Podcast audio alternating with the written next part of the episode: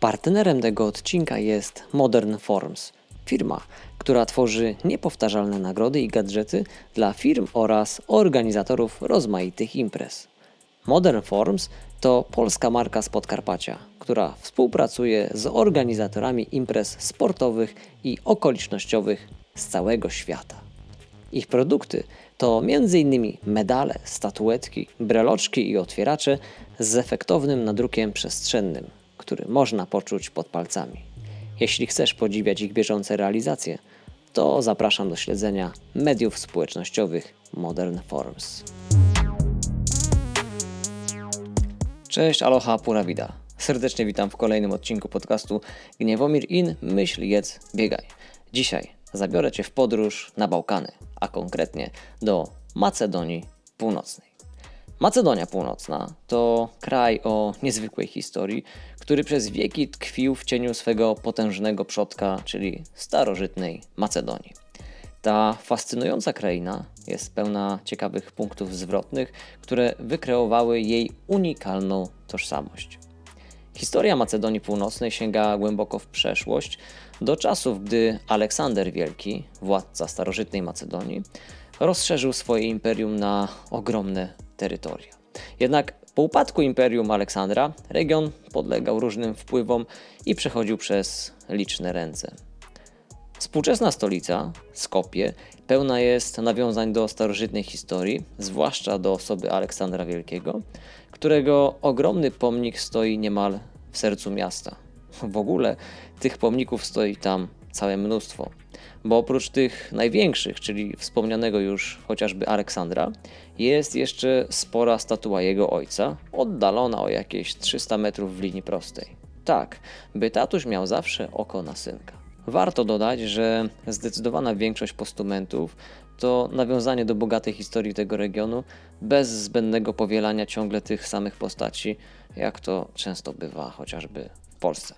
Skopie, czyli stolica Macedonii Północnej, mimo iż jest relatywnie dużym miastem, bo zamieszkuje je około milion mieszkańców, to w porównaniu ze stolicami chociażby Europy Zachodniej wydaje się oazą spokoju i dość nieśpiesznego życia.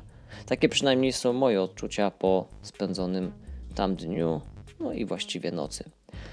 Południe i noc, które spędziłem na obrzeżach miasta, bieganie po ogromnym parku, w którym pasły się krowy, tylko te wrażenia jeszcze potęgowały. I tutaj mała dygresja. Polskę, a konkretnie Warszawę i Skopie łączy lotowskie połączenie. Lot dość krótki i przyjemny, trwający około godziny i 40 minut, ale za to z nieziemskimi widokami tuż przy lądowaniu.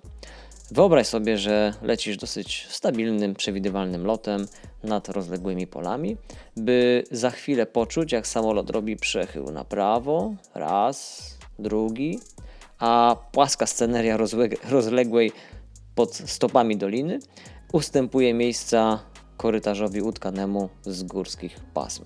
I jeśli mam być całkowicie szczery, to było to jedno chyba z piękniejszych lądowań w moim życiu.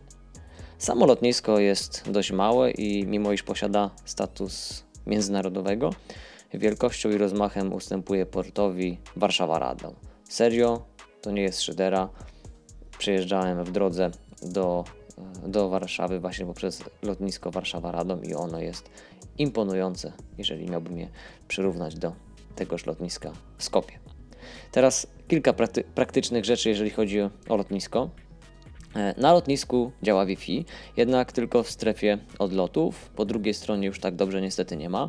E, wspominam o tym, ponieważ Macedonia Północna nie jest w Unii Europejskiej, stąd stawki roamingowe są iście szwajcarskie, więc z dobroci serca polecam zablokować transmisję danych w telefonie. No chyba, że Twój operator oferuje jakieś rozsądne paczki internetu na takie okoliczności, więc jeżeli wcześniej zdołałeś bądź zdołałaś taką wykupić jeszcze przed opuszczeniem Polski, to rzeczywiście można śmiało korzystać z tego internetu, który tam jest, tego mobilnego. Jest on naprawdę bardzo dobry. Akurat znajomi z Polski mieli taką paczkę uaktywnioną, więc bez problemu tego internetu korzystali. Ale wróćmy jeszcze na chwilę do dziejów tego kraju, ponieważ nie dość, że są one ciekawe, interesujące, to też pozwalają lepiej zrozumieć Macedonię taką, jaką jest dzisiaj. Więc jednym z kluczowych punktów zwrotnych w historii Macedonii Północnej było podbicie przez Imperium Osmańskie w XIV wieku. I ten okres tureckiej okupacji trwał przez wiele stuleci i wywarł ogromny wpływ na kulturę, religię, język, jak i samych mieszkańców tego regionu. Osmańska dominacja była jednak również punktem, który wywołał rozwój ducha niepodległościowego wśród Macedończyków. I tak w XIX wieku wraz z upadkiem wspomnianego już właśnie Imperium Osmańskiego, Macedonia znalazła się pod wpływem sąsiednich państw, czyli Serbii, Bułgarii oraz Grecji. No i to spowodowało niestety wieloletnie konflikty i napięcia, które trwały aż do początku XX wieku i które gdzieś mimo wszystko nadal są w powietrzu wyczuwalne. E, niemniej nie wpływa to na bezpieczeństwo takie życia codziennego w Macedonii tu i teraz. Kolejny punkt zwrotny przyszedł w czasach Jugosławii, kiedy Macedonia Północna stała się częścią Socjalistycznej Republiki Macedonii i to było istotne dla narodowego odrodzenia Macedończyków, którzy starali się utrzymać i promować swoją tożsamość kulturową. Jednak prawdziwy taki punkt zwrotny, taki game changer to rok 1991, y, w którym to w wyniku rozpadu Jugosławii powstało właśnie państwo Macedonii i Macedonia uzyskała niepodległość i do 12 lutego 2019 roku państwo nosiło nazwę Republiki Macedonii. Jednak ta nazwa była no, sporą kością niezgody, kwestią sporną w stosunkach na linii Macedonia-Grecja, więc no, w wyniku nacisków ze strony greckiej władze macedońskie zgodziły się na zmianę nazwy państwa z właśnie Republiki Macedonii na Republikę Macedonii Północnej, Republika Sewerna Makedonia. Tak by to brzmiało, gdybym próbował to powiedzieć po macedońsku. I co myślę dalej istotne, to w ciągu ostatnich dwóch dekad Macedonia Północna wykazała niezwykłą determinację i zaangażowanie do tego, by dążyć do integracji europejskiej. W roku 2020 kraj stał się członkiem NATO. No i cóż, dąży do pełnego członkostwa w Unii Europejskiej. Dzisiejsza Macedonia Północna to kraj, który jest zdecydowanie dumny ze swojego dziedzictwa historycznego, e, wspaniałych krajobrazów, no i niezwykłej gościnności swoich mieszkańców. Bogata kultura, tradycje, wyjątkowe zabytki. No, myślę, to takie cechy bardzo charakterystyczne dla tego regionu. Idąc dalej, nie sposób nie wspomnieć o ludziach, o Macedończykach. I zacznę może od takiego pytania. Czy słyszałeś, czy słyszeliście kiedyś o bałkańskiej gościnności? Jeśli tak, to ja miałem okazję przekonać się o niej na własnej skórze. I zacznę może od tego, że w Macedonii Północnej wylądowałem wyłącznie za sprawą organizatorów Orchid Ultra Trail, którzy wymyślili sobie, że chcą mieć mnie na swoich zawodach. I teraz, żeby było śmieszniej, to w roku 2019 wygrywając dystans 60 km na Magurskim ultramaratonie. Wygrałem wtedy też pakiet startowy właśnie w Orchid Ultra Trail, ale z racji tego, że no nie było jakoś za bardzo okazji i sposobności, by, by ten pakiet kiedykolwiek wykorzystać, to całkowicie o nim zapomniałem. Jednak początkiem roku 2023 życie przypomniało mi o tych zawodach właśnie w postaci tego e, zaproszenia, które otrzymałem od organizatorów. I szczerze to trudno było mi na początku w ogóle w to zaproszenie uwierzyć. Niemniej okazało się ono jak najbardziej prawdziwe, do tego szczere i bardzo serdeczne. Co więcej, nie było to zaproszenie typu masz u nas pakiet i chodź pobiegaj, tylko to było takie iście VIP-owskie podejście do pacjenta, który jest raptem w środku tak zwanej elity krajowej. Tutaj nawiązuje trochę do wyceny i nomenklatury serwisu Rate My Trail. I tym samym Niemal przez tydzień miałem okazję choć trochę poznać tamtejszych ludzi, ich kulturę, zwyczaje, przyrodę, góry, a także dowiedzieć się o ich bolączkach, nadziejach i wizji na przyszłość. No i co myślę bardzo istotne dla osób słuchających tego podcastu, mogłem tam trochę pobiegać, bo w sumie podczas tego tygodnia w tej Macedonii utłukłem około 100 km, z czego 40 na samych zawodach. Do zawodów jeszcze wrócimy. Natomiast teraz chcę troszeczkę nawiązać do tego, jak ukształtowana jest Macedonia Północna, no bo tutaj mamy naprawdę niesamowite bogactwo gór, dolin, jest y, bardzo zielono, jest dużo drzew. I, no i ta przyroda jest doprawdy niesamowita, taka żywa, soczysta i wszechobecna. I teraz tak. Większość kraju znajduje się w paśmie górskim Bałkanów i góry zajmują znaczną część mm, terytorium Macedonii Północnej, bo jest to około 80%. Wyobraźcie sobie, że macie terenie swojego kraju minimum 80% gór. No to jest coś po prostu niezwykłego, zwłaszcza jeśli jest, jest się biegaczem bądź biegaczką górską. I najwyższe pasma, pasma górskie to góry Pindo na zachodzie oraz góry Rodopskie i Osogowo na wschodzie. W Macedonii Północnej znajduje się wiele szczytów powyżej 2000 metrów nad poziomem morza. Z tego co lokalsi mi opowiadali, e, lokalni biegacze i z tego też co udało mi się wyszukać, jeżeli chodzi o informacje dostępne w internecie, to dwutysięczników jest grubo ponad 30 po prostu 30 sztuk, 30 gór, e, które mają minimum te 2000. E, liczba ta jest niejednoznaczna, natomiast można wskazać, wskazać kilka najważniejszych tych dwutysięczników. Wśród nich oczywiście znajdzie się ten najwyższy, czyli góra Korab, która, tak jak już powiedziałem, jest najwyższym szczytem Macedonii Północnej oraz Albanii, która graniczy bezpośrednio z Macedonią. I szczyt ma 2764 metry nad poziomem morza. I inne znaczące szczyty to na przykład Titow 27480, Solunska Glawa 2540 i jeszcze jakby tutaj rachując, y, rzucając jakimiś konkretnymi cyframi, to właśnie tych, y, co mają ponad 2,5 tysiąca, to jest około 20 szczytów, czy coś koło tego. To mówię wedle informacji uzyskanych od górskich biegaczy y, z Macedonii. Więc no, można powiedzieć, że jest to kraj bardzo, ale to bardzo bogaty pod kątem gór.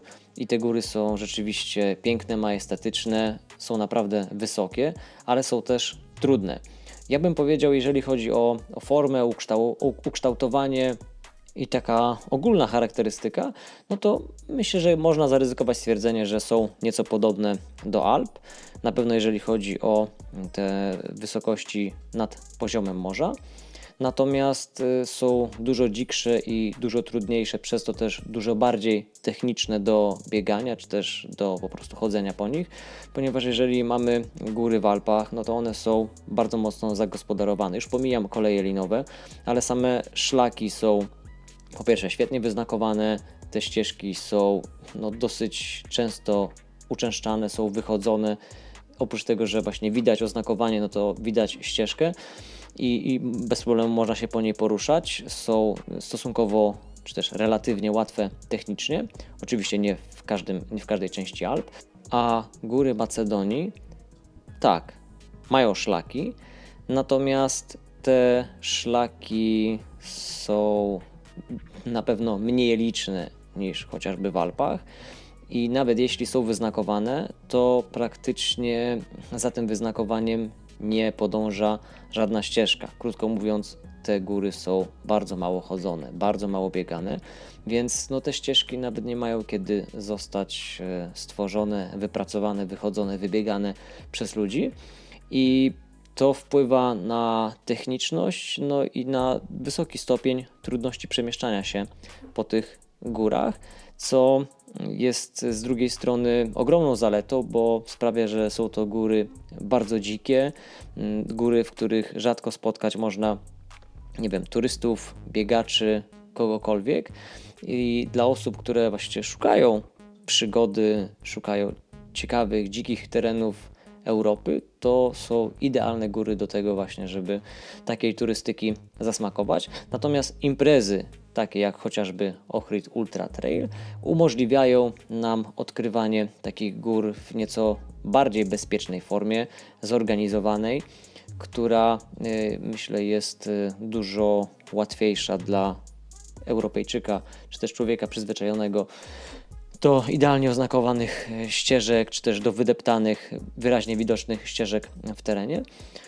I przy okazji umożliwia, tak, oprócz samej rywalizacji, to poznanie naprawdę bardzo ciekawych gór z, z ciekawą perspektywą, no w taki sposób na sportowo. Ale skoro nadal jesteśmy przy ukształtowaniu terenu, to warto wspomnieć, że Macedonia Północna posiada również płaskie doliny, takie jak chociażby Kotlina Pelagonijska i Owcza, i są to obszary o urodzajnych glebach, gdzie rolnictwo odgrywa ważną rolę w gospodarce kraju.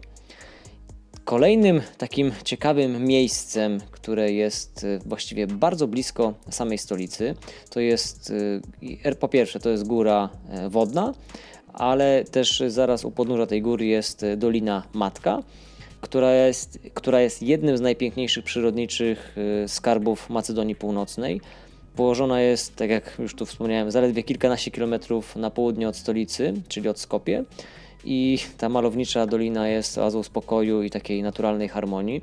I w dniu, gdy, gdy ja przyleciałem do Skopie, z lotniska odebrał mnie fotograf, E, który później e, na samych zawodach robił zdjęcia e, biegaczkom i biegaczom na trasie i który pokazał mi swoje zdjęcia właśnie z wyprawy do Doliny Matki, bodajże dzień wcześniej. No, wygląda to niesamowicie. Woda, skały, przełomy, kaniony, no coś przepięknego. Dolina Matka, no właśnie, jeżeli tutaj jest woda, Dolina Matka jest położona wzdłuż rzeki Treski, która wcięła się w górę wodną, tworząc piękne kaniony i zielone oazy. I tak jak już wspomniałem, to miejsce zachwyca swoją dzikością i niezwykłą różnorodnością przyrody. Mm, dolina jest otoczona strumymi skałami, porośnięta bujną roślinnością, co tworzy taki niesamowity kontrast właśnie między szorstkimi, skalistymi zboczami, a bujnymi, zielonymi lasami. E, główną atrakcją Doliny Matka jest piękne jezioro, które powstało na skutek spiętrzania rzeki Treski przez pobliską tamę. Woda, czy też wody tego jeziora mają turkusowy odcień, no, który sprawia, że wydaje się ona wręcz nierealna. Jest to idealne miejsce do tego, by spędzić tam czas spacerując, piknikując. Można wypożyczyć kajak, supa, łódź i po prostu zaszyć się w tym niesamowitym zakątku Macedonii. Jednak co warto wspomnieć, e, Dolina Matki to nie tylko piękne krajobrazy wodne i otaczająca bujna zielona roślinność. E, w okolicy znajduje się też wiele skalnych formacji, jaskiń i zapierających wręcz dech w piersiach kanionów, które są rajem dla miłośników przygody i eksploracji, czy też dla wspinaczy. I tak jak już tutaj wcześniej wspomniałem, Dolina Matka, tuż nad nią górująca góra Wodno i mamy od razu świetną kombinację. Mamy bieg trailowy, bodajże dwa dystanse. Najdłuższy to chyba okolice maratonu który na, bieg, który nazywa się Wodno Matka. To tak jako ciekawostkę. Natomiast tutaj jeszcze wracając do Doliny Matki, warto wspomnieć, że w jej otoczeniu znajduje się XVI-wieczny monastyr Matka, który jest jednym z najważniejszych ośrodków sakralnych w Macedonii i słynią z, m.in. z pięknych fresków, zabytkowej architektury, a także ze swojej takiej spokojnej, klasztornej atmosfery, która przyciąga pielgrzymów i turystów. I teraz uwaga, bo będzie anegdota, która po raz kolejny pokazuje, jak świat jest mały. Otóż niejaki Krzysztof Sternawski, polski nurek jaskiniowy, w 2016 roku pobił rekord, rekord głębokości nurkowania tak, w jaskini Wrelo, która znajduje się właśnie w kanionie Matka i jest przy okazji jedną z najgłębszych podwodnych jaskiń na świecie. I teraz, co równie ciekawe, jednym z członków jego ekipy, a tutaj warto wspomnieć, że takie nurkowanie to bardzo zespołowy i przy tym czasochłonny sport, był Aleksander Bule, który zupełnie przypadkiem, w cudzysłowie, jest też jednym z organizatorów Orchid Ultra Trail. Więc y, no, niesamowita korelacja, zbieżność y, przeróżnych rzeczy. O tym, że w tym kanionie i w jaskini Wrelo nurkował Krzysztof. E, dowiedziałem się właśnie od Aleksandera i, i to było takie wow, było to niezwykle, cieka niezwykle ciekawe, więc y, przy okazji polecam sobie pogooglać więcej w temacie wyczynów pana Krzysztofa, bo lista jego nurkowań i osiągnięć jest naprawdę imponująca. No dobra, trochę zdołałem opowiedzieć o historii, co nieco o przyrodniczych ciekawostkach Macedonii, chociaż myślę, że o samych parkach można byłoby nakręcić, czy też nagrać kilka odcinków i to byłoby wciąż mało. Więc teraz szybko przeniesiemy się do Ochrydy, czy też do Ochrid, to w zależności od tego w jakim języku i kto i jak to wymawia, jak czyta.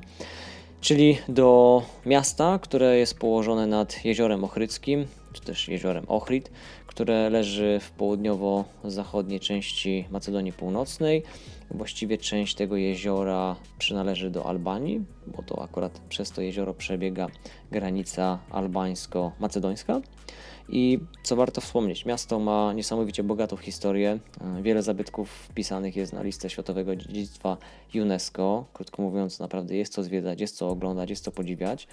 Stąd Ochryda jest niezwykle popularnym celem turystów, no, którzy mogą tu znaleźć naprawdę przeróżne, niezwykłe i bardzo interesujące rzeczy do obejrzenia, historie do wysłuchania. Jezioro Ochryckie należy do jednych z, najgłębszych jezior w Europie. Mm, krystalicznie czysta woda, soczysta zieleń, otaczające wzgórza, góry. No wszystko to tworzy naprawdę niezwykle malowniczy, przepiękny krajobraz. Warto wspomnieć, że w Ochrydzie mm, jest jeden z najcenniejszych zabytków sakralnych w Macedonii i tutaj mam na myśli cerkiew Najświętszej Bogu Rodzicy. Freski w jej wnętrzu to dzieło Michailo oraz Eutychiosa, czyli wybitnych średniowiecznych e, malarzy, przedstawicieli rzadko spotykanego w tak dobrze zachowanej formie kierunku w sztuce bizantyjskiej, renesansu, paleologów. Warto wspomnieć, że Ochryd, Ochryda to nie tylko pozostałości historyczne w postaci budowli, ale też y, spore dziedzictwo kulturowe, zwłaszcza jeżeli chodzi o mm, to chrześcijaństwo ortodoksyjne, które zostało zbudowane na podwalinach wyłożonych przez y, Cyryla i Metodego, którzy właśnie upodobali sobie Ochrydę jako swoje miejsce do, do prac teologicznych, do, do medytacji, do, do swojej, nazwijmy to, szeroko rozumianej twórczości. I to właśnie z Ochrydy uczniowie Cyryla i Metodego wyruszali dalej w świat, by nieść, jak to się mówi, dobrą nowinę chrześcijaństwa ortodoksyjnego, czy też chrześcijaństwa, które w dzisiejszym świecie znamy jako ortodoksyjne. I tutaj też jeszcze warto wzmiankować, że y, mieszkając w Ochrydzie, Cyryl i Metody opracowali alfabet znany potocznie jako cyrylica. Alfabet, który jest y, nadal używany i akurat dzięki temu, że w szkole podstawowej miałem język rosyjski, to mogłem się owej cyrylicy nauczyć. I pomimo tego, że jest to język, którego nigdy nie miałem okazji jakoś używać, to znajomość cyrylicy, gdy jest się właśnie w krajach, w których jest ona wciąż popularna, jest normalnie, potocznie używana, bardzo się przydaje, ponieważ samo przeczytanie napisów już pozwala chociaż trochę zrozumieć sens tego, co te dziwne szlaczki e, w sobie niosą. A język macedoński oczywiście należy również do grupy języków słowiańskich, więc podobieństwo wielu zwrotów czy też właśnie słów jest y, wielkie w stosunku do języka polskiego, więc y, cyrylica i szybkość, czy też możliwość wyłapywania podobieństw no, pozwala dużo łatwiej kontaktować się z ludźmi właśnie z Macedonii. 20 minut za nami, a ja wciąż niewiele powiedziałem o zawodach Ohrid Ultra Trail, a to właśnie z ich powodu znalazłem się w ogóle w Macedonii Północnej. Jednak zanim przejdę do konkretów, to muszę tutaj wtrącić kilka wątków pobocznych, które może z pozoru nieistotne, to były i nadal są dla mnie ważne, ponieważ wpłynęły na ogólny obraz tego, jak czułem jak widziałem, jak odbierałem Macedonię, będąc tam na miejscu. I po wylądowaniu w Skopie myślałem, że zostanę odebrany i od razu pojedziemy do Ochrydy. Jednak okazało się, że wcześniej pojechali, pojechaliśmy sobie do Skopie. Zostałem zaproszony na e, obiad, na lunch. E, wynaleźliśmy jedzenie, które było vegan friendly, wegańska knajpka i tutaj uwaga ciekawostka. Jeżeli szukacie czegoś wegańskiego właśnie w Macedonii, to szukajcie czegoś, co jest postne. Postne, mówiąc po macedońsku. To jest postne bez te, Bo, ponieważ postne to znaczy takie, które jest y, bez mięsa, bez nabiału, bez ryb, y, bez znaczy ryby to oczywiście mięso, ale bez y, wszelkich produktów odzwierzęcych, ponieważ jest to słowo, które określa grupę produktów spożywanych podczas postu. A gdy nie wiem, chrześcijanie, zwłaszcza ci ortodoksyjni poszczą, no to co? Spożywają pewnie chleb, wodę i być może jakąś oliwę raz na jakiś czas. Więc posne. Posne to jest słowo klucz, natomiast y, nasza knajpka nie była aż tak postna, a nie była aż tak rygorystyczna i wyrzeczona, ponieważ jedzenie, które tam zamówiliśmy, było całkiem smaczne i jak to bywa z jedzeniem roślinnym, bardzo bogate. I myślałem, że po obiedzie wyruszymy w drogę do Ochrydy. Okazało się, że nie, że jednak zostajemy w Skopie, a ja udaję się na swój pierwszy nocleg do jednego z organizatorów Orchid Ultra Trail. Przy okazji był to fajny czas na to, żeby się bliżej poznać. Nawet y, poszliśmy sobie na wspólne bieganko, pokazał mi najbliższy rewir który wykorzystuje do swoich codziennych treningów. Tak, ten organizator jest również biegaczem, biegaczem górskim, więc zaliczyliśmy naprawdę sporych rozmiarów, bardzo zielony, pełen ludzi park. W tym parku pasły się też najzwyczajniej w świecie krowy i i tak po prostu było to bardzo fajne doznanie. Podczas biegania omówiliśmy sobie spore, sporo tematów. Byłem ciekaw na przykład jak wygląda u nich chociażby temat, nie wiem, zamawiania medali, czy są firmy, które takie rzeczy produkują, czy są firmy, które robią, nie wiem, sprzęt, jacy są dystrybutorzy, jakich marek. No byłem ciekaw tego właśnie jak wygląda macedoński rynek pod kątem biegaczy, zwłaszcza biegaczy górskich. Dowiedziałem się, że mają swoje stowarzyszenie, swój klub, którym zrzeszają e, kilka, kilkanaście czy nawet kilkadziesiąt osób zaangażowanych mniej bądź bardziej w organizację zawodów, które jako stowarzyszenie ogarniają, ale też po prostu spotykają się na wspólnym bieganiu w ogóle poza zawodami, dzielą ze sobą pasję, no ale też starają się zarażać tą pasją do biegania innych dookoła, bo warto wspomnieć, że tak patrząc z szerszej perspektywy, to biegi, zwłaszcza te biegi górskie, biegi trailowe w Macedonii, to w moim takim odczuciu są porównaniu do Polski jakieś 5-8 lat za nami. I tu nie chodzi po prostu o profesjonalizm, o, o podejście do organizacji itd., tak itd., tak o sprzęt, tylko bardziej chodzi o y, powszechność i o rozpoznawalność tej dyscypliny sportu jako coś normalnego. No bo w tej chwili mamy w Polsce naprawdę sporą rzeszę zawodników, zawodniczek, mniej bądź bardziej profesjonalnych, y, całe, całą rzeszę różnych amatorów i amatorek właśnie tego ruchu na świeżym powietrzu, tego ruchu w, w trailu w górach gdzie w Macedonii, no to jeszcze mam wrażenie, jest to właśnie tak jak powiedziałem, te 5-8 lat w stosunku do tego, co mamy w tej chwili w Polsce. E, z drugiej strony jest to e, podejście bardzo profesjonalne, to co oni jakby w tej chwili prezentują jako klub, jako ludzie biegający. Natomiast jeżeli chodzi o, o tą właśnie powszechność, to jeszcze są na początku tej drogi. To jest fajnie też tak przyjechać, zobaczyć jak to, jak to wygląda i, i wraca taki pewien sentyment i, i takie spojrzenie na to, jak tu kiedyś było, jaki był ten, e, ten duch tych pierwszych y, zawodów, y, których na początku naprawdę było niewiele. W Polsce mamy w tej chwili dziesiątki, y, jak nie setki przeróżnych zawodów długich, krótkich, ultra długich. Natomiast tam w tej chwili w ciągu roku chyba rozgrywanych jest maksymalnie około 10 zawodów w biegach górskich, więc to też pokazuje skalę, jeżeli chodzi o powszechność tego sportu. Jednak tutaj też warto wspomnieć, że no powiedzmy tak jak Polska to jest około 38 milionów mieszkańców, mieszkańców, to Macedonia jest to niespełna 2 miliony, więc też ta skala jest zupełnie inna. I nas może dziwić, że na takich dużych zawodach, jakimi są Ohrid Ultra Trail, dosyć międzynarodowe, bo tam nawet chyba na liście startowej w tym roku było ponad 20 nacji, to powiedzmy, to była jedna z największych edycji, to była piąta edycja tych zawodów. Jeżeli chodzi o liczebność, największa, bo wystartowało ponad 400 osób, gdzie w Polsce wydaje się 400 osób, no to, to nie jest jakoś dużo, zwłaszcza, że tam było tych y, dystansów 4, bo mamy 20, 40, 65 i 100.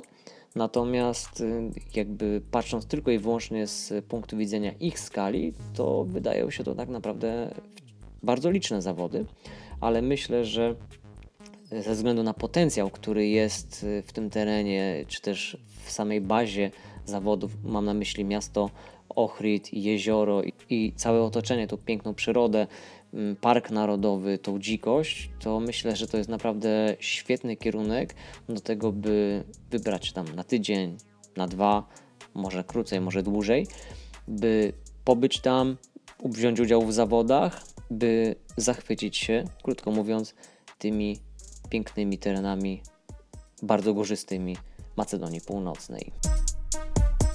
Partnerem tego odcinka jest Modern Forms, firma, która tworzy niepowtarzalne nagrody i gadżety dla firm oraz organizatorów rozmaitych imprez. Modern Forms to polska marka z Podkarpacia, która współpracuje z organizatorami imprez sportowych i okolicznościowych z całego świata.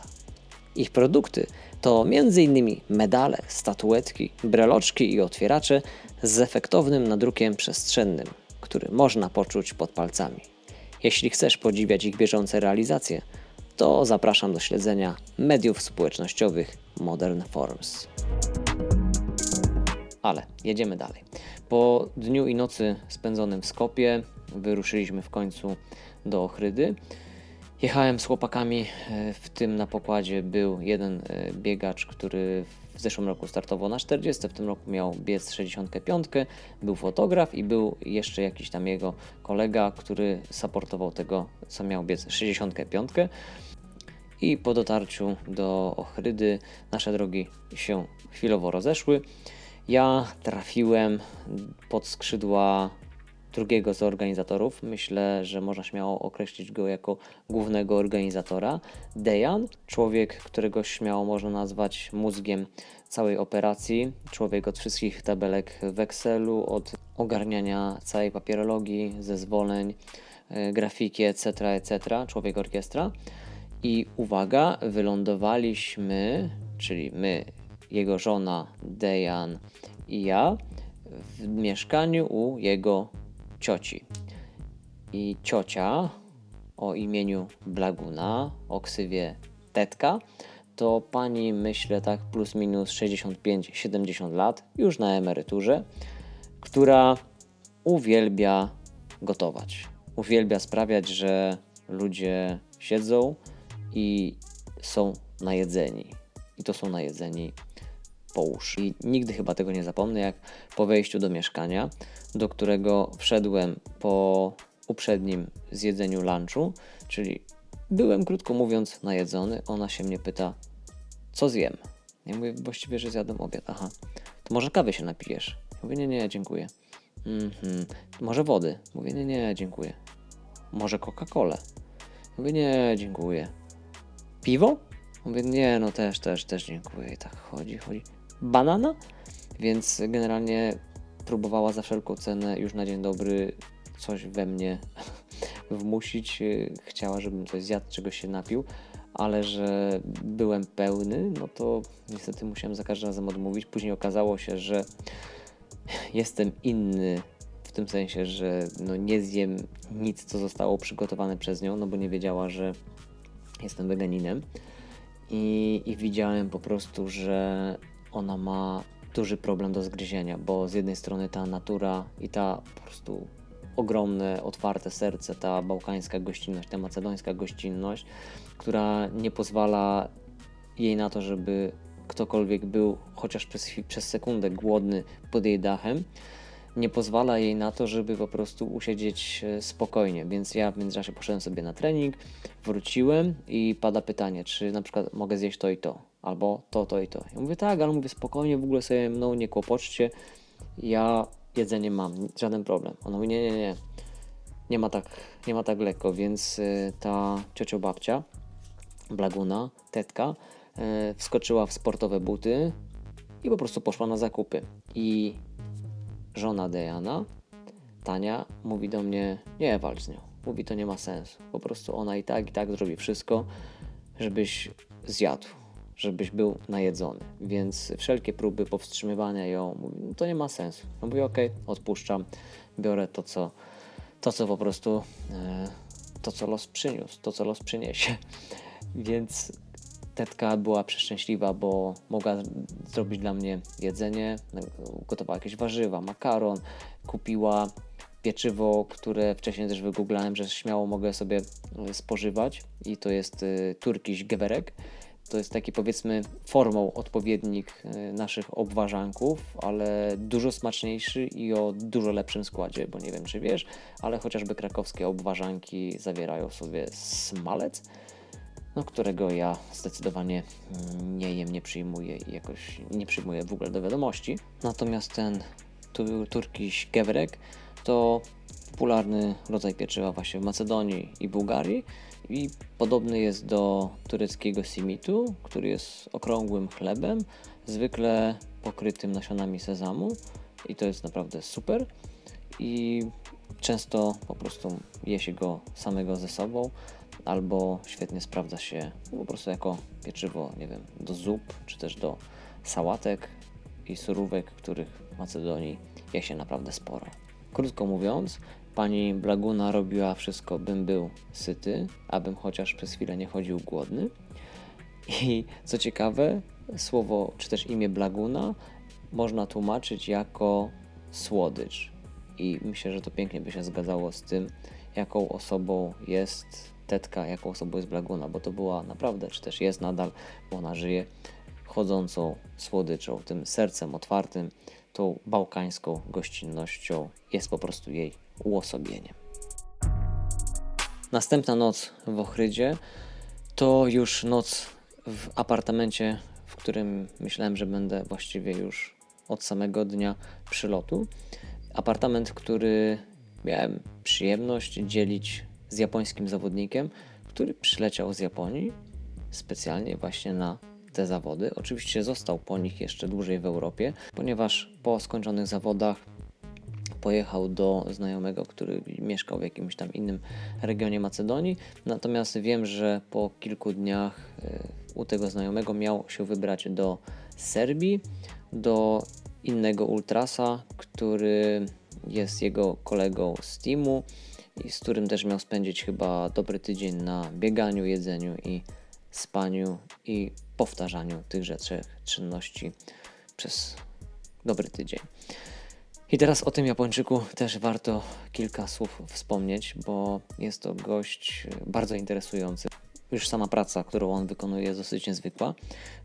Mieszkając i pracując w Japonii, jest odpowiedzialny za robienie płotków czy też zapór, które uniemożliwią przechodzenie jakiemuś gatunkowi jaszczurki, który jest inwazyjny, który nie jest gatunkiem japońskim, a który po prostu mm, bardzo mocno jest ekspansywny i wygryzający rodzime japońskie gatunki jaszczurek, który to negatywnie wpływa na cały ekosystem, więc jego pracą jest zakładanie takich płotków, ogrodzeń, e, które właśnie mają cel, na celu ochronę japońskiej fauny i flory przed inwazyjną jaszczurką, więc to już jest bardzo samo w sobie ciekawe i interesujące.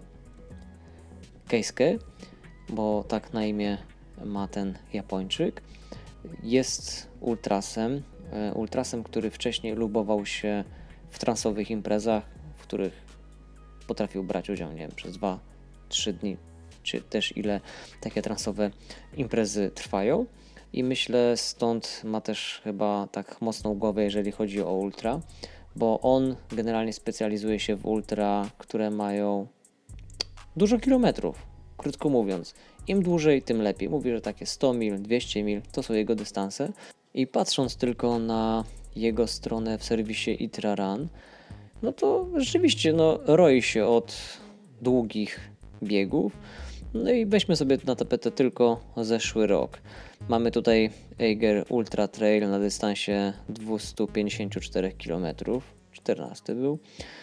I to był tak 13 lipca, a 23 lipca, czyli co? 20, nie, jakie 20? 10 dni później wystartował sobie w Liechtensteinie e, w Mount Head Festival Crossing Switzerland na dystansie 382 km, by miesiąc później wystartować w Swiss Peaks Trail, w Swiss Peaks, czyli 360 km w Szwajcarii. No, lubi chłopak dobrze się zabawić, to tak mówiąc krótko i, kolokwialnie. W tym roku brał udział w nie byle jakich zawodach, bo Ultra Trail Mount Fuji, czyli UTMF. Piękne zawody, w których pewnego pięknego dnia też chciałbym wziąć udział.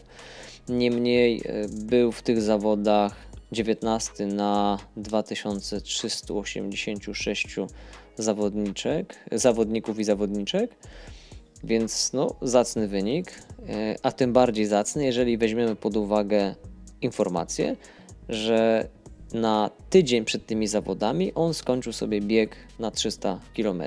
Nie zawody, tylko po prostu zrobił sobie takie dłuższe 300-kilometrowe wybieganie. Więc no, kolega, który tych kilometrów nie wylewa za kołnierz, więc dla niego Ochrid Ultra na dystansie 100 km, właściwie 106, no to były, można powiedzieć śmiało, krótkie zawody. I teraz zawody ukończył na podium, na trzecim miejscu.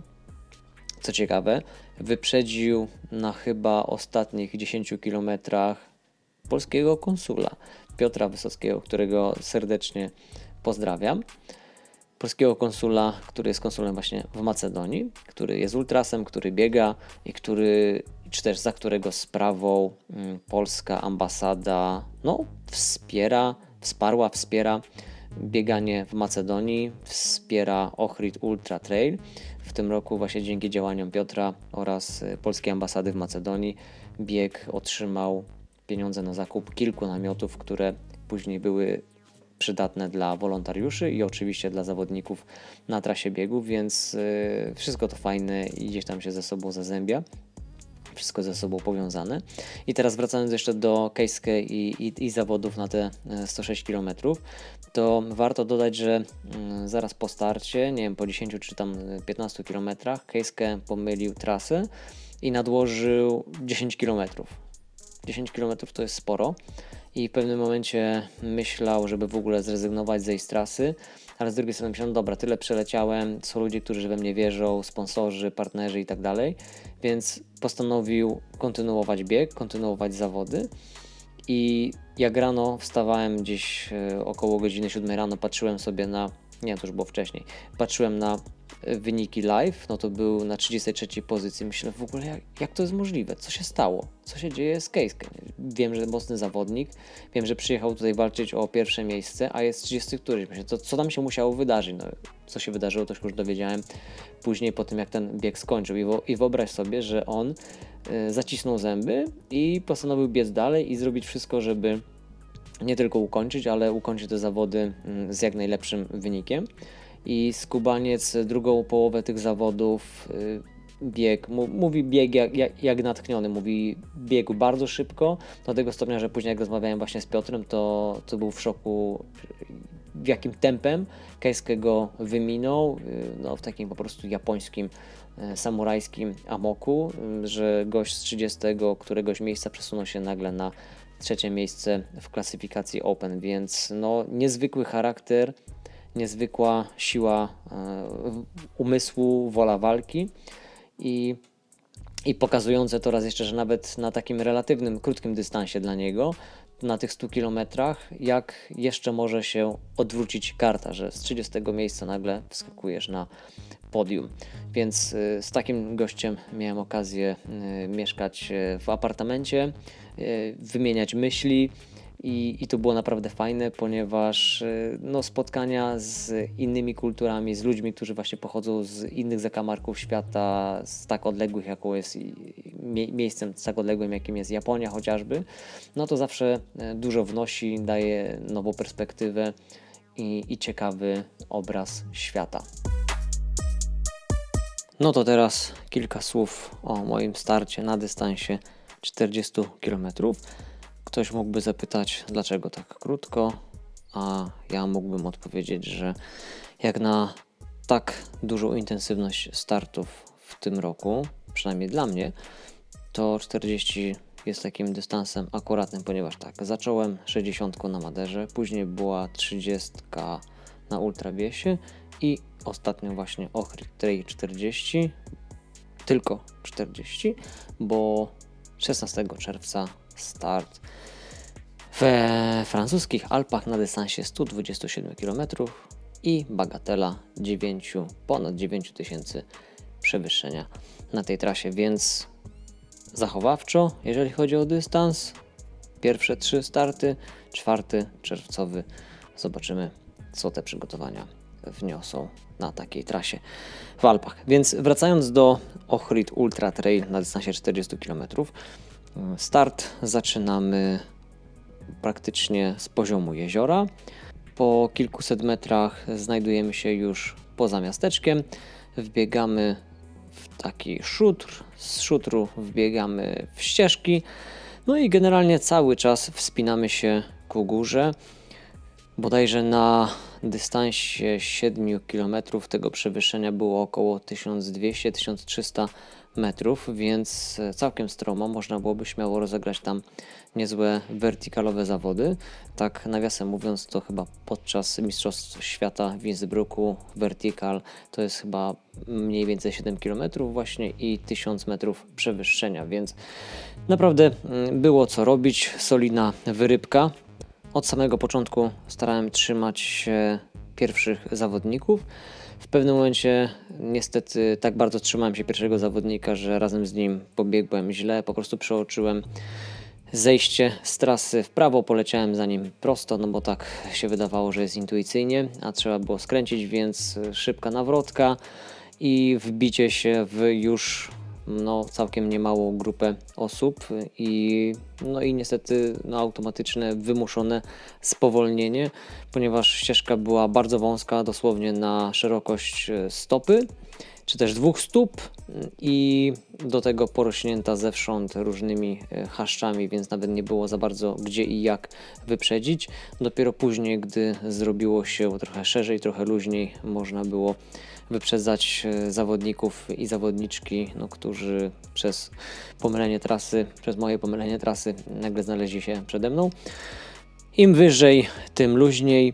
E, trasa częściowo właśnie biegła e, troszeczkę po skałach, trochę po takim dosyć urozmaiconym terenie, to jakiś szutr, to ziemia, ale generalnie bardzo biegowo, bez jakichś tam technicznych problemów. Pewnie gorzej byłoby to zbiegać, więc dość często lepiej jest podbiegać, przecież podchodzić pod górę niż zbiegać takie trudne techniczne e, fragmenty, ale to tak na marginesie mówiąc. W każdym razie e, starałem się cały czas trzymać z przodu i do momentu wyjścia z lasu byłem chyba w okolicach szóstego miejsca.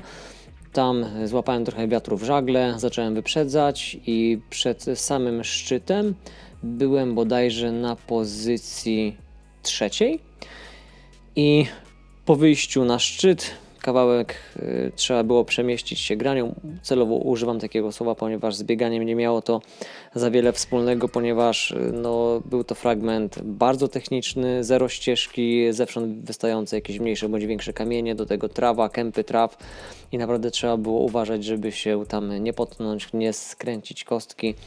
E, tudzież nie wpaść na jedną bądź drugą stronę tejże grani. E, z dwóch zawodników, którzy troszeczkę się wcześniej oderwali od naszego małego mm, peletonu, e, było około 200, maksymalnie 300 metrów przede mną, więc starałem się ich mieć właściwie w zasięgu wzroku i w pewnym momencie ta grań wędrowała ku górze i na horyzoncie widziałem jakichś biegaczy właśnie na tym szlaku i myślałem, byłem święcie przekonany, że musimy biec prosto, natomiast w pewnym momencie ścieżki Chorągiewki zaczęły odbijać w lewo, w dół, po czym znowu zaczęły odbijać do góry i pnąć się właśnie po granie. I tak byłem, no, delikatnie mówiąc, zdezorientowany, bo myślę, no bez sensu mam zbiegać i z powrotem podbiegać, skoro mogę biec, biec prosto, nie ma żadnej przeszkody, e, żeby tak właśnie pobiec.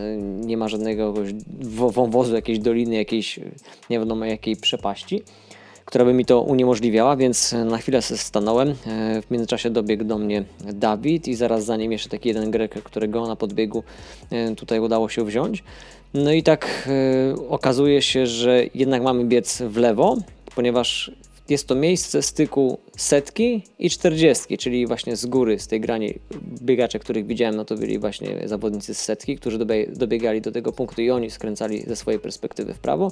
Natomiast ja dobiegając, czy też my z czterdziestki dobiegając do tego momentu, mieliśmy odbić w lewo. Całe szczęście w tym miejscu pojawił się zupełnie niespodziewanie wcześniej już wspomniany Piotr, który jak usłyszał nasze rozkminy, czyli moją i Dawida, w którą stronę mamy się udać, mówi: Chłopaki, macie biec e, tutaj właśnie w lewo, w dół. To jest trasa 40, która łączy się z trasą setki. Więc e, dzięki Piotrowi szybko obraliśmy właściwą marszrutę. Natomiast za nami Greg zaczął się drzeć teoretycznie przynajmniej, do zawodników, którzy byli przed nami. Więc y, wszyscy trzej byliśmy święcie przekonani, że tych dwóch zawodników, którzy byli przed nami, oni pobiegli prosto, więc Grek, żeby ich naprowadzić na właściwą ścieżkę, darł się w niebo głosy i sugerował, żeby się cofnęli i pobiegli tam, gdzie my. Więc od tego momentu byłem święcie przekonany, że y, razem z Dawidem jestem na y, pierwszym miejscu, że biegniemy sobie razem. Tu biegliśmy razem przez kolejne dobre 15 km, myślę. I gdy zaliczyliśmy pierwszy punkt odżywczy, to nikt nam nie mówił, że jesteśmy właśnie na trzeciej, czwartej pozycji albo na pierwszej, drugiej.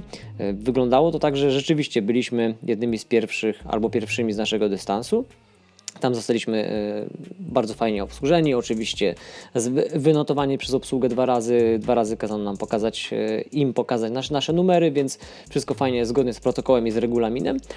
I z tego punktu odżywczego wyruszyliśmy, przynajmniej tak nam się wydawało, jako pierwsi zawodniczy, zawodnicy z naszego dystansu. Za nami widzieliśmy Greka, który był jakieś 300-400 metrów i kolejnego zawodnika, który gdzieś tam za nim też biegł. Więc y, od tego momentu była fajna, szeroka droga. To było coś na takiej zasadzie doliny wysoko w górach, czyli między jednym pasmem a drugim i szczyty, które z dołu, z poziomu jeziora wyglądały na naprawdę wysokie, potężne szczyty jako ogromne góry. Tutaj wyglądały po prostu jako e, wzgórza, jako pagórki, e, co nie zmienia faktu, że biegliśmy cały czas na wysokości około 1600-1700, a nawet może 1800 metrów nad poziomem morza. Niemniej warto dodać, że teren był tam właśnie dosyć prosty, było płasko, była fajna e, taka powiedzmy pyło, pylasto gliniana droga, która wiła się pomiędzy pastwiskami, na których to pasły się setki, jeśli nie tysiące e, niesamowicie wyglądają, wyglądających krów z cielakami. Tam były i krowy, i byki, i cielęta. Wszystko ze sobą razem, wszystkie ze sobą razem wymieszane. Naprawdę sielski, przepiękny widok. No i tak przez około 10-12 km trasa właśnie e, prowadziła. Później był kolejny punkt odżywczy. Y, z tego punktu odżywczego już wychodziłem sam. Zresztą Dawida już tam y, chwilkę wcześniej y, zgubiłem, można tak powiedzieć. Nasze drogi się naturalnie dosyć rozeszły. Mm, pamiętam, że z tego punktu jak wychodziłem, to zaraz za mną dopadli zawodnicy, konkretnie zawodniczka i zawodnik z dystansu 20 km. E, oni też gdzieś w międzyczasie się tam troszeczkę pogubili, spotykaliśmy się na, na szczycie. W pewnym momencie to miałem wrażenie, że to ja ich ciągnę.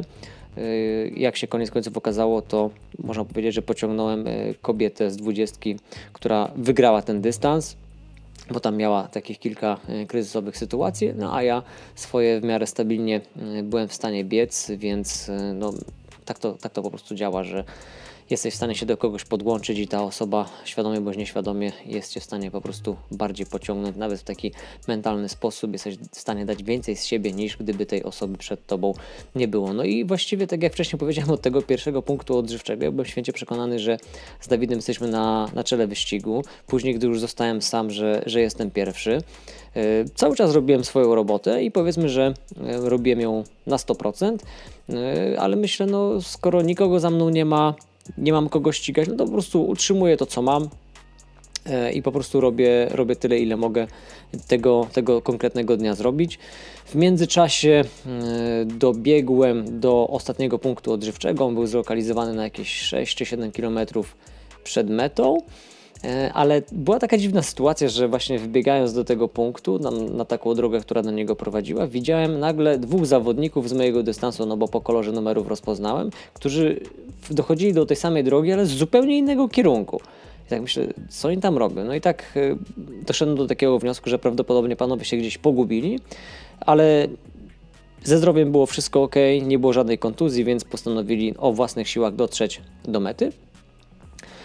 Natomiast e, wpadłem na ten punkt, e, tam zatankowałem, później koniec końców chciałem jeszcze się polać wodą, okazało się, że, że, że polałem się izotonikiem.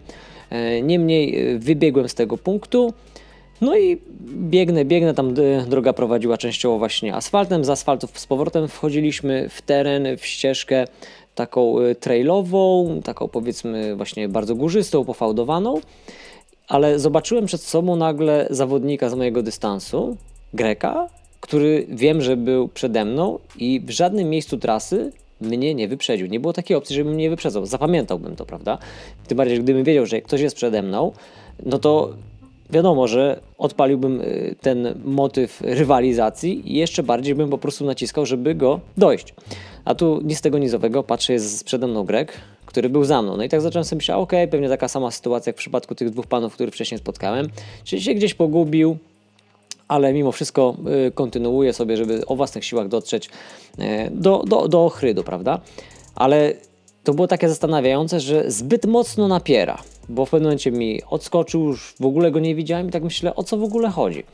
I najlepsze jakby rozegranie na tym dystansie było takie, gdy wbiegałem już, zbiegałem z gór i właściwie ścieżka wychodząca z Parku Narodowego wchodziła bezpośrednio y, w taką drogę asfalt, asfaltową, która mm, prowadziła dookoła stacji benzynowej i z tej stacji benzynowej wychodziło się chodnik, później rondo i do mariny i z mariny już po prostu nad brzegiem biegło się do mety. I znałem ten odcinek ze wcześniejszego re rekonesansu, więc y, lecę, no i tak dobiegam w pewnym momencie do takich dwóch y, zawodników i tak patrzę, jeden się ogląda, spogląda na mnie i widzę po prostu panikę malującą się na jego twarzy. Ja myślę, o co mu w ogóle chodzi? No przecież nie może być z mojego dystansu, no bo nikogo przede mną nie ma i nagle gość y, jakby właśnie w, w tej całej panice zaczyna wyrywać do przodu, zaczyna przede mną uciekać. Ja myślę, ale w ogóle o co chodzi? Więc ja dalej biegnę swoje, nie podpalam się, nie gonię go, no bo myślę, no bo po co mam go gonić, skoro nie wiem w ogóle o co chodzi. Koniec końców, on się gdzieś tam pomylił, pobiegł za daleko. No ja, znając trasę, pobiegłem tak jak miałem pobiec. Zresztą ona była dobrze oznakowana, był też trak. W każdym razie w pewnym punkcie się spotkaliśmy i ja się go pytam, co ty tu robisz? No bo widzę, że jednak on jest z mojego dystansu, no bo widzę jego numer. A on coś tam y, pobuczał, pobuczał. Widać, że taki jakiś taki był wkurzony. Powiedział never mind i wypalił. No i zaczął mi uciekać. No ja tak, no okej. Okay. No on sobie odleciał, ja sobie no, w cudzysłowie spokojnie, no, szybko na tyle, ile byłem w stanie, biegłem do tej mety. No i w pewnym momencie widzę znowu tego Greka. Dobiegam do niego i się pytam, stary, jakim cudem jesteś przede mną? I on też coś tam pomarudził, pomarudził, znowu starał się być przede mną, jakby zebrał się w sobie, wyprzedził mnie, nie wiem, na 10 metrów, po czym po prostu opadł z sił, przeszedł do marszu, i taki zrezygnowany po prostu przebył, myślę, ostatnie 600 czy 700 metrów idąc, y, truchtając taki, takim Gallowayem. No a ja stabilnie swoim tempem cały czas do tej mety zmierzałem. No i przekraczając metę myślałem, że no jestem pierwszy, tak? A tu się okazuje, że speaker mówi witamy na mecie trzeciego zawodnika dystansu 40 km. I tak sobie myślę, ty, ale o co, o co w ogóle chodzi? I po tym jak już dostałem medal, E, spokojnie odszedłem sobie na bok, podchodzi do mnie chłopak, który był na miejscu drugim, ten, który, którego spotkałem właśnie wbiegając do miasta. I, i on zaczął mi tłumaczyć, dlaczego on tak się na mnie wkurzył i dlaczego on tak wypalił. No bo on razem z pierwszym zawodnikiem byli święcie przekonani, że oni są już tak daleko, że nikt nie jest im w stanie zaszkodzić, więc po prostu biegli swoje spokojnie, tak samo jak ja biegłem swoje, myśląc, że nikogo przede mną nie ma. Aż tu nagle pojawia się gość, który może mu wydrzeć drugie miejsce. I ja totalnie tego nieświadom nie próbowałem mu wydrzeć tego miejsca, no bo przecież nikogo przede mną nie ma. A żeby wszystko było jasne, postanowiłem przedstawić mu swoją wersję wydarzeń, polegającą na opisie tego dziwnego miejsca, w którym łączyła się trasa setki z, z trasą 40 i przekonaniem, jak się okazało bardzo błędnym, że oni razem z pierwszym zawodnikiem pobiegli prosto, a jak się okazało, oni cały czas biegli wedle trasy, czyli też pewnie mieli zegarek, y, czy też trak wgrany do zegarka i w tym miejscu, w którym myśmy się zawahali, oni po prostu od razu pobiegli w, lego, w lewo i, i bardzo mocno odskoczyli. Później jak patrzyłem na, na międzyczasy, to generalnie chłopaki mieli nade mną 8 minut przewagi, nawet chyba na tym y, ostatnim punkcie odżywczym, gdzie później koniec końców, jak się okazało na mecie, straty do pierwszego miałem minutę, a do tego drugiego, który tak wypalił 30 sekund.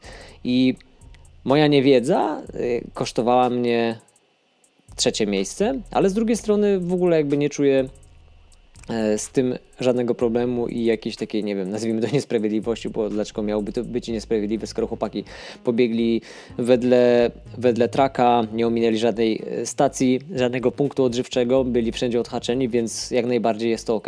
Tylko yy, bardziej śmieję się z tej mojej nieświadomości i z tego, jak czasami pewne informacje, które do nas docierają, mogą nam przesłonić yy, rzeczywistość i, i w pewnym sensie no, być dezorientujące, bo nawet gdybym miał taką informację na pierwszym punkcie odżywczym, o jest, jesteś, jesteś trzeci albo czwarty, no to wtedy przynajmniej bym wiedział, że ktoś jest. Miałem jakiś cel, dodatkową motywację do tego, żeby dać z siebie jeszcze więcej. Tak jak dawałem 100%, to dałbym, nie wiem, 108, 110%, bo na tak krótkich y, zawodach, relatywnie, na tych 400 kilometrach, y, jesteś w stanie się bardziej zagiąć, niż jakby to miało być, no nie wiem, na dystansie 200 czy 300 kilometrów, więc Trochę ta niewiedza, e, jakby koniec końców, kosztowała tego miejsca na podium, e, ale jak już wcześniej powiedziałem, nie żałuję, nie mam do nikogo o to pretensji, ponieważ koniec końców mm, całe zawody, cały bieg e, były, były wartościową jednostką, były czymś, co pozwoliły mi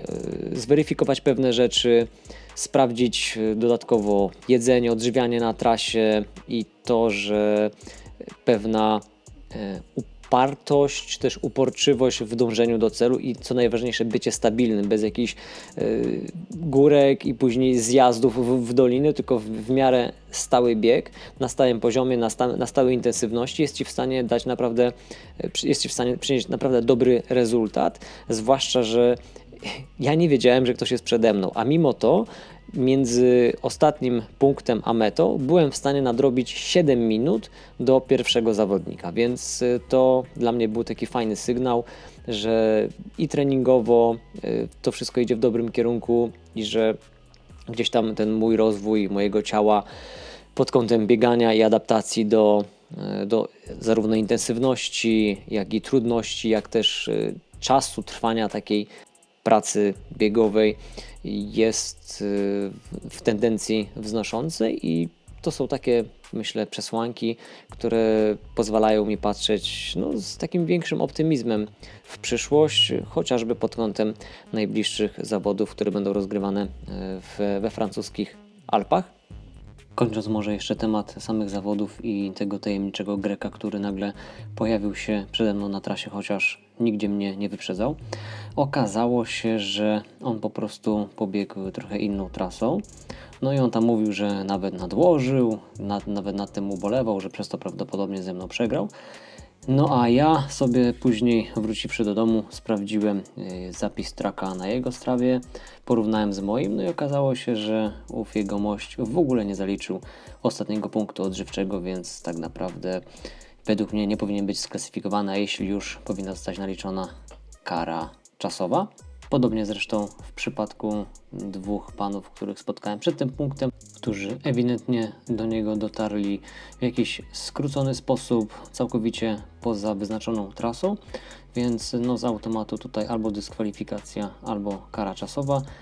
Z tego co widziałem, byli normalnie klasyfikowani w wynikach, natomiast z tego co wiem, organizator miał to sprawdzić, zbadać i koniec końców dokonać weryfikacji końcowych wyników. Niemniej wracając do samej imprezy, to były to zawody naprawdę bardzo dobrze zorganizowane. Trasa dobrze oznakowana.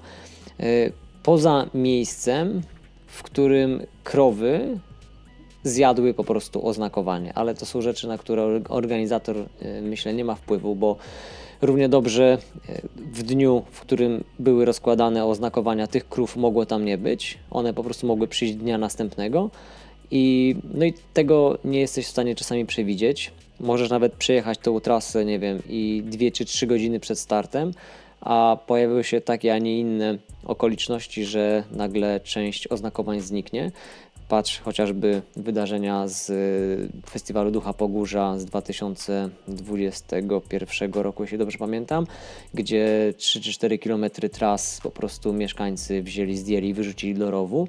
Tak samo tutaj no, pojawiło się stado krów i ewidentnie te chorągiewki były po prostu zżarte, y, zadeptane, ale też były zniszczone przez samochody być może należące do tych właścicieli tego stada.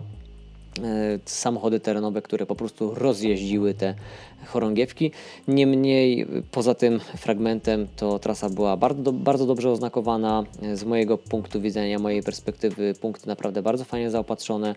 E, wolontariusze pytali co trzeba czy w czymś mogą pomóc, co dla mnie było wręcz zaskakujące, to na każdym był ktoś z mm, opieki medycznej i na każdym z tych punktów pytali się, czy potrzebuje właśnie bandaż, plaster, nie wiem, zamrozić coś i tak dalej. Coś, z czym się jeszcze wcześniej nie spotkałem, ale być może jest to jakaś taka część ich y, kultury i, i takiego podejścia właśnie medycznego na, na trasie. Na plus też należy na pewno zaliczyć e, usytuowanie mety, która właściwie była w centrum miasta, w pobliżu portu, więc piękne widoki, fajny klimat, sporo ludzi, e, bliskość różnych knajpek, ale też na miejscu można było coś dostać od organizatora do jedzenia, w sensie można było coś dostać do picia. Można było liczyć na przyjazny uśmiech i, i ogólnie taką właśnie ciepłą, rodzinną, e, bardzo gościnną atmosferę. Bardzo zgrabnie też została przeprowadzona ceremonia dekoracji e, podium na każdym z dystansów, co dla mnie jak na duży plus z takiej perspektywy osoby, która bierze udział w takim e, wydarzeniu i to jest nieważne, czy jestem na podium, czy nie, to była mała ilość po prostu kategorii. Właściwie nie było kategorii wiekowych e, nagradzanych i to e, fajne było, ponieważ jakby ta cała ceremonia dekoracji nie trwała dwóch godzin, bo nagle jeżeli byłoby tych kategorii, no to kategoria nie wiem, M20, masz kobiety, masz mężczyzny i ta każda jedna kategoria i to trwa naprawdę w nieskończoność. Natomiast tu były tylko trzy pierwsze miejsca kobiet, trzy pierwsze miejsca mężczyzn, każdy jeden dystans.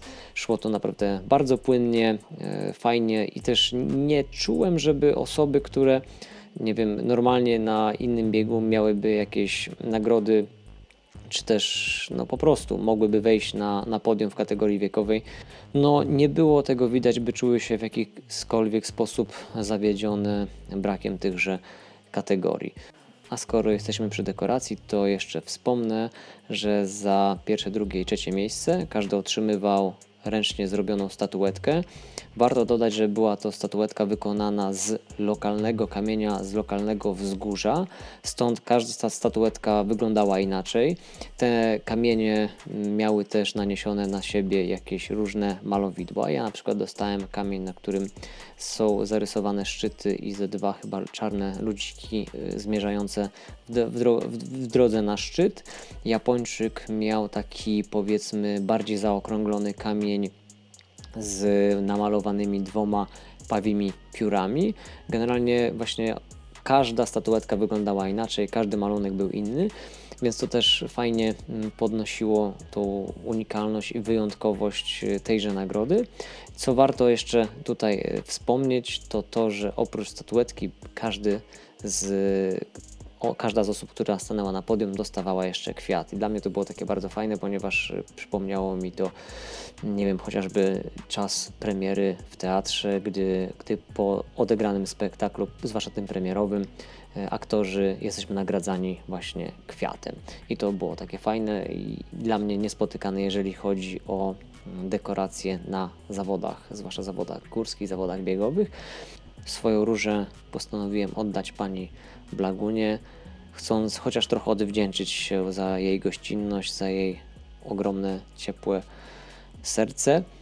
I gdy ją znalazłem, bo w ogóle Blaguna była wolontariuszką właśnie na mecie, rozdawała oczywiście jedzenie razem z żoną swojego brata, więc Blaguna była w swoim żywiole i w momencie, gdy ona zobaczyła, że przychodzę do niej z kwiatem, to naprawdę była bardzo wzruszona i następnego dnia jej bratanek opowiadał mi, że po prostu tak się wzruszyła, popłakała się i to było dla niej coś naprawdę niesamowitego, takiego, że no, poczuła się potrzebna, poczuła się doceniona.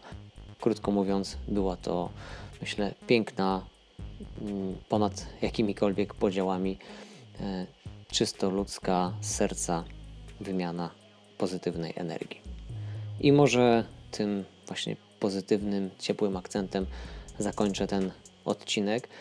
Podejrzewam, że mógłbym jeszcze tutaj troszeczkę opowiadać, mógłbym poruszyć parę politycznych kwestii związanych z Macedonią Północną, kwestii związanych chociażby z budową odcinka autostrady do Ochrydu, za którym też stoi kilka różnych y, mało przyjemnych historii związanych właśnie chociażby z korupcją i z przeróżnymi układami, ale po co psuć sobie głowę takimi rzeczami, skoro mamy tego na własnym podwórku aż po czubki uszu. Więc tym, tak jak już wcześniej powiedziałem, pozytywnym akcentem, z różą, ze wzruszoną blaguną, ze szczęśliwymi, uśmiechniętymi ludźmi zakończę macedoński epizod. I na koniec tylko dodam, że jeżeli myślicie o zawodach w trochę innej destynacji niż Polska albo zachodnia Europa, to zdecydowanie impreza pod tytułem Ochryt Ultra Trail jest czymś, co gorąco polecam i gwarantuję, że będziecie zafascynowani i zauroczeniem zarówno miejscem, jakim jest Ochryt, a także samymi zawodami, górami, poprzez które prowadzą trasy Ohrid Ultra Trail, jak i samymi ludźmi, kulturą i tym, co tam możecie spotkać. Więc już teraz patrzcie łapczywym okiem w kierunku lotów do Macedonii. Serdecznie pozdrawiam, dobrego dnia, pura vida.